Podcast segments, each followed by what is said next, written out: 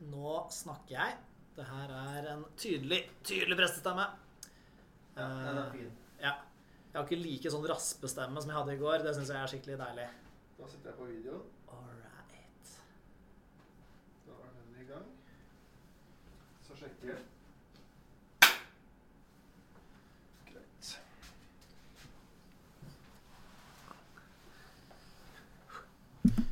Hallo, Hei, hei, alle sammen. Velkommen til Prester som snakker. Vi er eh, prester. Og vi snakker Mye. og lenge. Men i Prester som snakker har vi en grense. Selv om den er litt større enn eh, litt enn det vi har på en gudstjeneste. Da fatter vi oss mer i korthet. Mm. Heldigvis for menigheten. Ja. Jeg kjenner mange folk som sliter med å tro på det når jeg sier at en vanlig preken er sånn ti minutter cirka. Ja. Så eh, kanskje sant. føles det mye lenger. Når du preker, så føles ti minutter som 20. Ja, Nei, du Det gjør ikke det. Ikke for meg. Jeg, jeg, jeg, eh, jeg syns du preker eh, riktig. Det er riktig tilpassa. Men nok om det. Yes. Forrige søndag Mm, Var det for vi jeg? snakker jo alltid om forrige søndags ja, eh, Vi er alltid tilbakeskuende. Ja, rett og slett ser oss i bakspeilet. Det gjør vi. Og, og det var du som hadde gudstjeneste. Du hadde dåp, til og med. Ja. Og eh, eh, en liten gutt som ble døpt, døpt. Eh, med familien som var til stede i kirka og ble filma. Veldig kult. Det var kule folk. Og du preka. Det gjorde jeg. Mm. Og hva slags tekst var det du prekte over? Det var Johannes kapittel 9 om den blindfødte. Mm. Ikke Eh. blinde Bartimeus, men, eh, Nei, men en annen blind som bare blir kalt blindfødt, rett og slett. Han får ikke noe navn.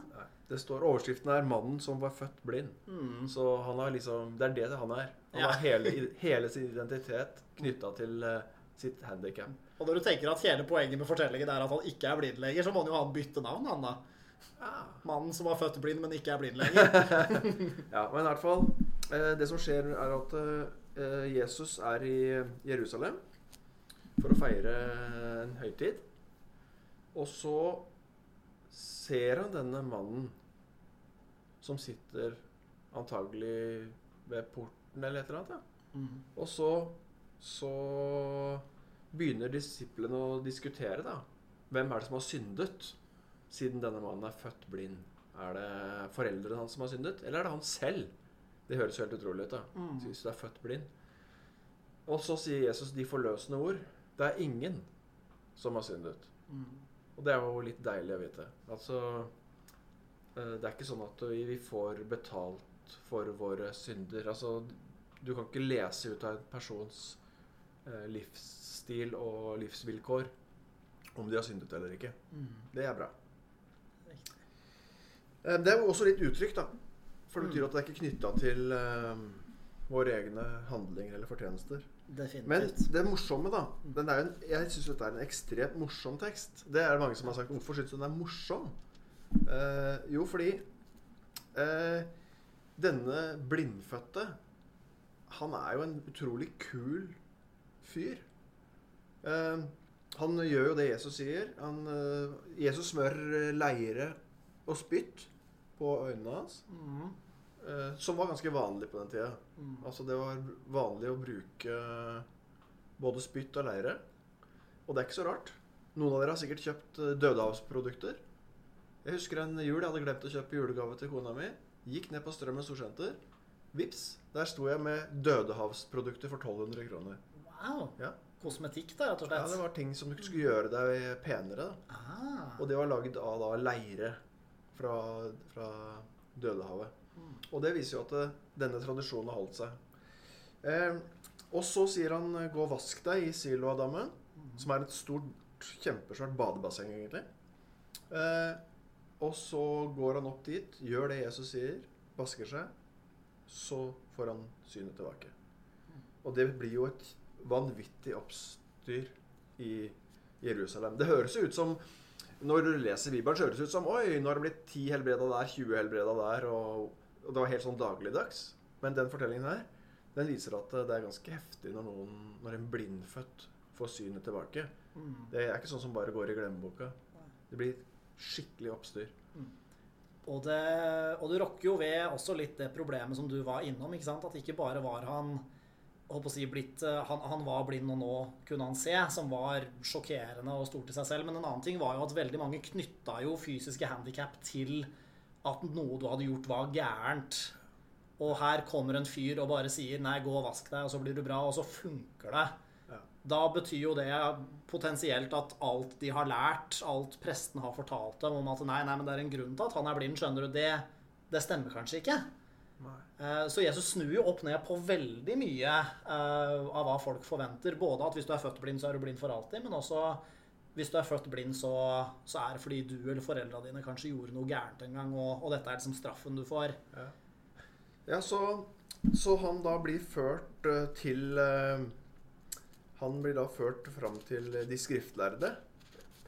Eh, eller jødene, som Johannes kaller dem. da. Han ja. er jo veldig sånn kategorisk. Mm. Og han prøver å si noe Han bruker ofte ordet 'jødene'.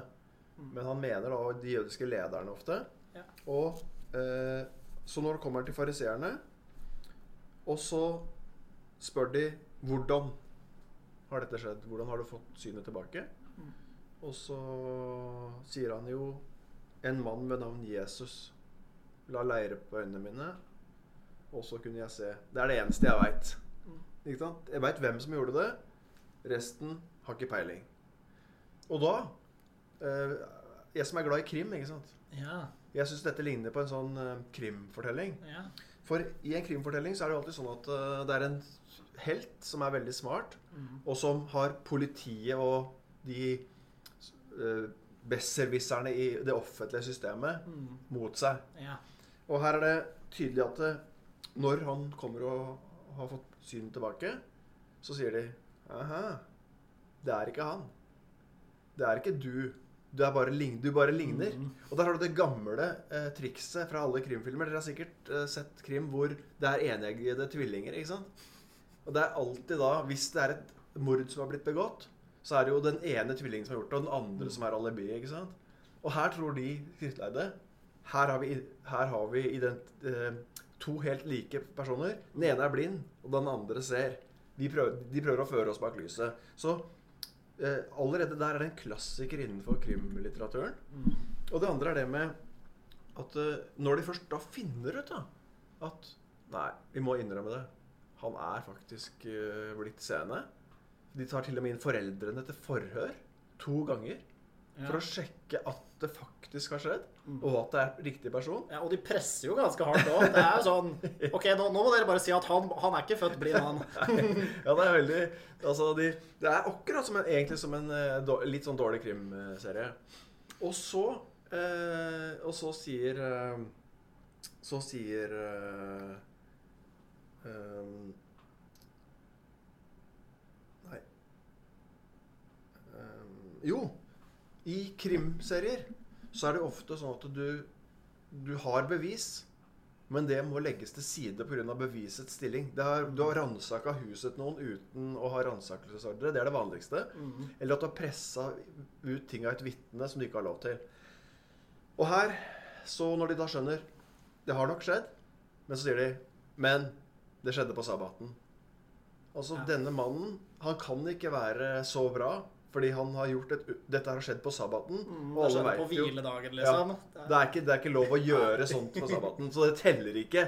Ok, Du kan godt si at du har ser og sånn, men det telles faktisk ikke. Det kan ikke brukes eh, liksom i saken Denne saken her så er det ubrukelig. Det er pga. bevisets stilling. Eh, og da eh, spør de igjen liksom? Hvordan, det, hvordan har det skjedd. Og han sier bare 'Nei, jeg vet ikke, men jeg vet hvem som har gjort det'. Og det spørsmålet der blir for meg det trosspørsmålet. Mm. De ene som ikke tror, de spør hele tiden hvordan, hvordan, hvordan. Er det mulig? Forklar, forklar, forklar. Mm. Og han som tror, han sier Jeg veit ikke. Jeg veit bare hvem som har gjort det. Hvem jeg stoler på, og hvem som har brydd seg om meg.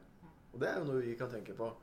At uh, i det spørsmålet 'hvem', så forløses det ganske mye tro. Mm. Og, eh, og, akkurat det festa jeg meg jo veldig ved. At du du gjorde et poeng av altså ikke, ikke, hvordan prosessen, men i, i hvem. Uh, og jeg tenker det fester jo også litt, for du bruker jo mye tid i prekenen din på å snakke om uh, Er du personlig kristen, eller? Og om folk har et positivt eller negativt forhold til det ordet. Og det har jeg kjent på sjøl i livet, at det der ordet personlig kristen fort blir litt sånn unnskyldning, på en måte. Jeg er ikke sånn offisielt kristen. Jeg er ikke sånn som går i kirka og sånn, men jeg er personlig kristen. Jeg, jeg tror for meg sjæl, på en måte. Oh, ja, jeg tror på min egen unike måte. Ja, men det er ikke, jeg tenker jo ikke at det er ikke der skillet pleier å ligge.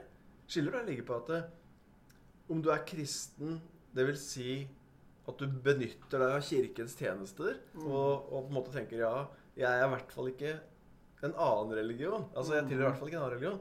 Mens personlig kristen, det går på det inderlighets... Du har et høyere inderlighetsnivå. Mm. Altså, jeg er personlig kristen. Da har du et høyere inderlighetsnivå. Ja. Du, du tar dette virkelig på alvor. Mm.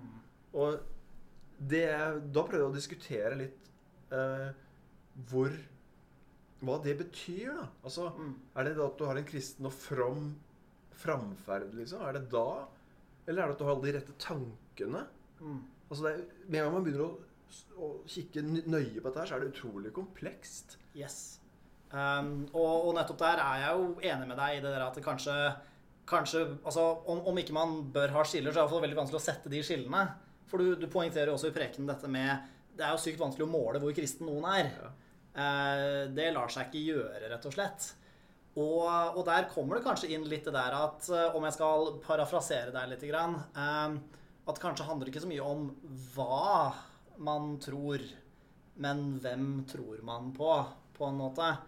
For eh, jeg tror at samler du mange kristne i et rom som bare prater om troa si, så vil man jo finne at det er utrolig mye forskjellige i hvert fall innganger til troen de har, eller kanskje til og med hva de mener at er viktig i troen. Men det vi forhåpentligvis alle forenes i, er jo tanken om at det er Jesus, da.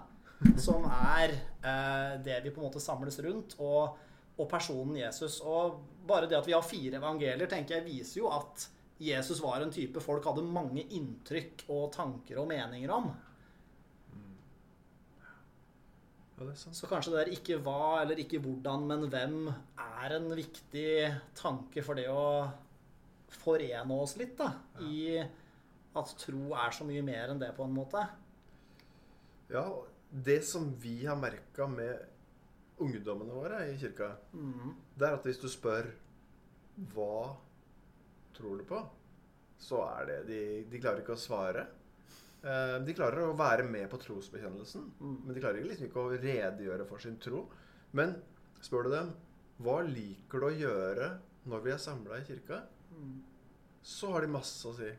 Hva de liker. Liker å skrive bønnelapper, liker å tenne lys, liker å gå til nattverd, liker å gå fram og legge klager i klagemuren, liker å legge steiner. Ikke sant? Alt det man gjør for å på en måte vise eller uttrykke sin tro, da. Mm. Det er de skikkelig gode på. Og jeg skulle ønske at vi som kirke også kunne øvd oss på det. At eh, vi kunne blitt skikkelig gode på det som uttrykker troen. Mm. For da, for da, da tror jeg at da får vi da, da på en måte Da kan vi leve i dette her i en handlingskristendom, da. Mm. Som Ja. Jeg tenker jo det er fordeler og ulemper med en sånn handlingsretta tro, fordi jeg kjenner jo igjen meg selv litt fra min egen ungdomstid. Eh, bare kanskje nesten litt i motsatt retning. Altså Hvis man den gangen ville spurt på en måte hva, hva betyr det at jeg er kristen, så ville jo jeg fort svart nettopp det at jo, men jeg går i kirka, og jeg går på ungdomsklubben, og jeg går på gudstjeneste noen ganger, og jeg synger lovsanger når vi er i kirka. At det blir veldig fokus på hva gjør jeg, og hvordan bruker jeg tida mi på det, på en måte. Mens det kan jo hende at eh, et sunn vending bort fra det er liksom vekk fra hva gjør jeg for noe, og mer hvorfor gjør jeg det. Og det må man jo ha et språk for, ikke Ja. sant? Men, men dette her at det er jo fordi jeg tror på Jesus, det er fordi jeg tror Gud er glad i meg, og at det er de bærende tinga som gjør at jeg tenker det her er verdifullt, da. ja. Du kan si det er to, på en måte to grøfter. Ja, det Den er ene definitivt grøfta er at du Mm. bare gjør ting, men du er ubevisst i forhold til det. Mm. Og det andre er at du eh, bare går og tenker og har masse sånn eh, eh, riktige tanker, men Mm. du, det er ikke noe praksis. Og jeg, og jeg tror ikke det fins noe ideelt balansepunkt mellom de heller, for det tror jeg kommer så veldig an på hvor man er i livet. Ja, Og hvem man er som person. da. Definitivt. Jeg, jeg har selv hatt perioder i livet hvor jeg har hatt det vanskelig fordi jeg har strevd med å gå i kirken, eller syns på en måte at de der vanlige trospraksisene enten har vært lukka for meg, sånn som det er for mange nå som det er pandemi. ikke sant? Man kan ikke gå på gudstjeneste, man kan ikke samles i kirka.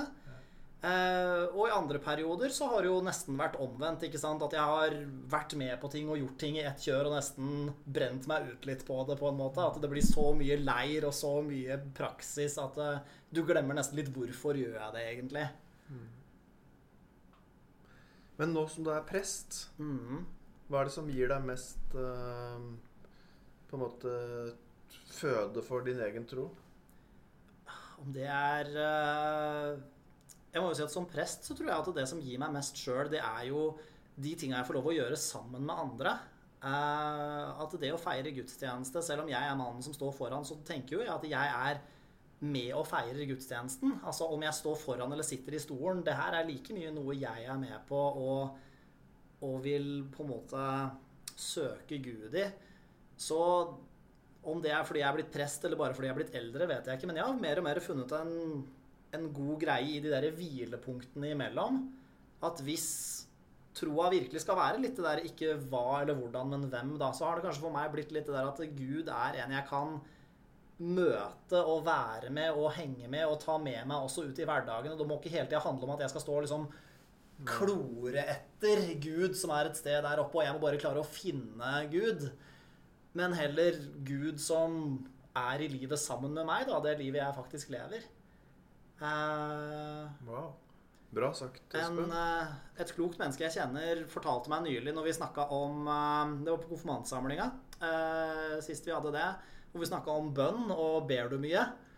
Og jeg svarte på spørsmål sånn Ja, jeg ber på kvelden, syns det er hyggelig før jeg legger meg. Og sånn Og så spør jeg min kollega Ja, ber du ofte? Jeg ber hele tida, jeg.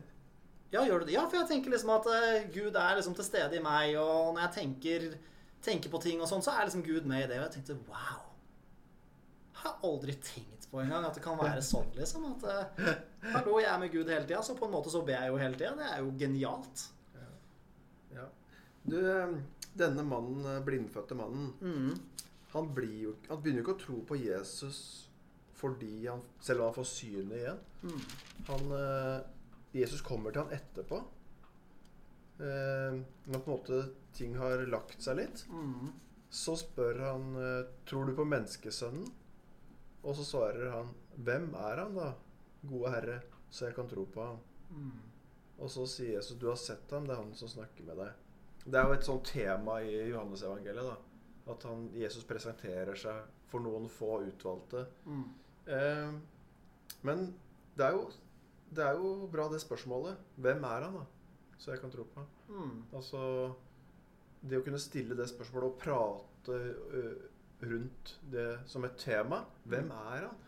Og hva, hva må til for at jeg skal kunne ø, tro på han og praktisere den troen? Mm. Og det tror jeg at mange egentlig kan gjøre. Jeg tror, jeg tror de kunne hatt mange, mange flere i, i det kristne fellesskapet som tenker at det er verdt å tro på Jesus. Oh, absolutt.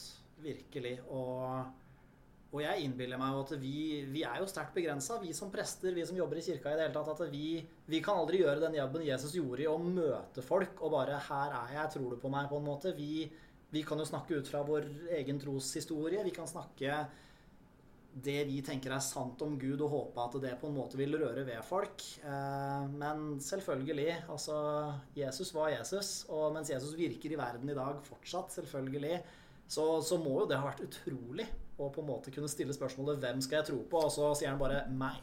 Men du vet hva? Jeg tror faktisk det er lettere å tro på Jesus når du leser denne fortellingen nå, Mm. enn å stå ansikt til ansikt med ham midt i et turbulent liv, og han presenterer seg. For du veit liksom ikke Da er det på en måte øh, Det skjer der og da. Mm. Mens dette er nesten umulig å forstå uten at man på en måte ser bakover. Og det er lettere for oss å se sporene etter dette evangeliet. da. Mm. Så jeg tror at det, det er minst like lett for oss å tro. Og noe jeg syns dere kan bli utfordra til, dere som gidder også å følge med på dette her, det er jo bare å lese en sånn kort bibeltekst og diskutere eller snakke sammen med, med noen dere kjenner, eller bryr dere om, eller som er litt interessert. Og det trenger ikke å møtes fysisk heller. Kan bare gjøre det på nettet òg. Mm. Og bare snakke om hva fikk jeg ut av det? Hva tenker jeg om det? Og helt åpent og ærlig snakke om det. Ikke som en sånn from liksom at der, nå skal vi komme fram til det rette svaret. Men mer sånn hva, hva tenker jeg faktisk om det? Hva gjør det med meg? Disse ordene. Hva, hva har dette med mitt liv å gjøre? Og hva, hva nytt ser jeg på en måte Ja. i teksten jeg leser den nå? Jeg har ikke tenkt over det før du påpekte det i stad, det der med hvor nøye de var i denne rettssaken med å hente inn vitner og spørre Å, men det kan ikke ha vært en fyr som ligna, som kom opp av vannet.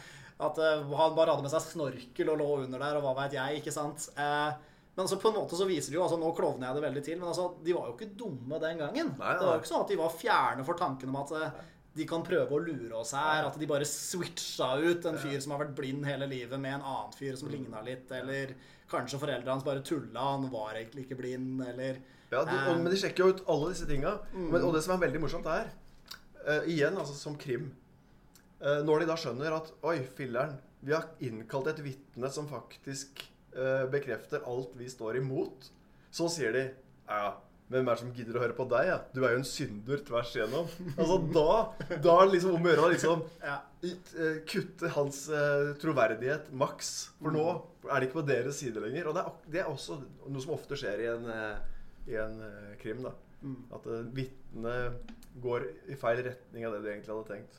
Jeg tror jeg hørte en gang at uh, som advokat skal du først angripe beviset, og hvis ikke du kan angripe beviset, skal du angripe prosessen. Og hvis du ikke kan angripe prosessen, så skal du angripe vitnet eller personen.